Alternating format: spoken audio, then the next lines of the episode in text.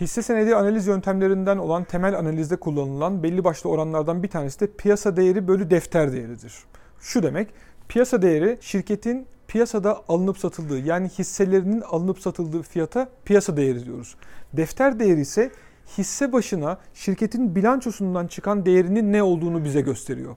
Piyasa değeri bölü defter değerine baktığımızda eğer bu yüksek bir oransa demek ki hisseler normalde olması gerekenden çok daha yüksek piyasada fiyatlanıyor anlamına gelebilir. Eğer düşük olursa o zaman olması gerekenden daha düşük fiyatlanıyor. Burada bir fırsat var. Bu hissenin değeri uzun vadede yükselebilir diyebiliriz. Örnek üzerinden gidelim.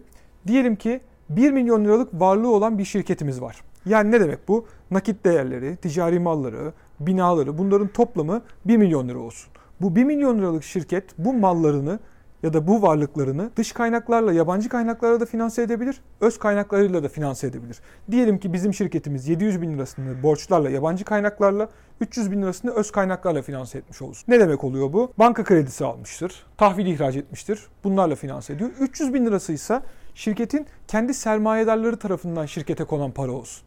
Böyle baktığımız zaman şirketin 300 bin liralık öz kaynağı varsa yani sermayedarlarının elindeki değer, defter değeri 300 bin liraysa şirketin de toplam hisse sayısı 100 bin olsun. Öz kaynakları hisse adedine böldüğümde hisse başına şirketin defter değerini bulurum. O da benim örneğimde 300 bin bölü 100, 100 bin 3 lira olacak.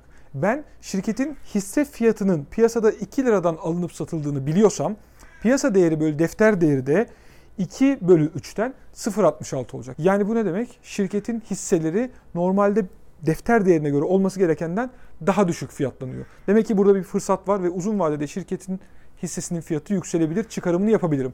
Ama bunu yaparken diğer faktörleri de dikkate almam lazım. İşte piyasanın durumu, şirketin durumu, o andaki ülkedeki likidite durumu gibi faktörleri de mutlaka dikkate almam gerekiyor. Hisse fiyatı şirketin gelecekteki nakit akımlarını bana gösterirken defter fiyatı, defter değeri ise bugünkü ve geçmişteki operasyonların sonuçlarını gösterir.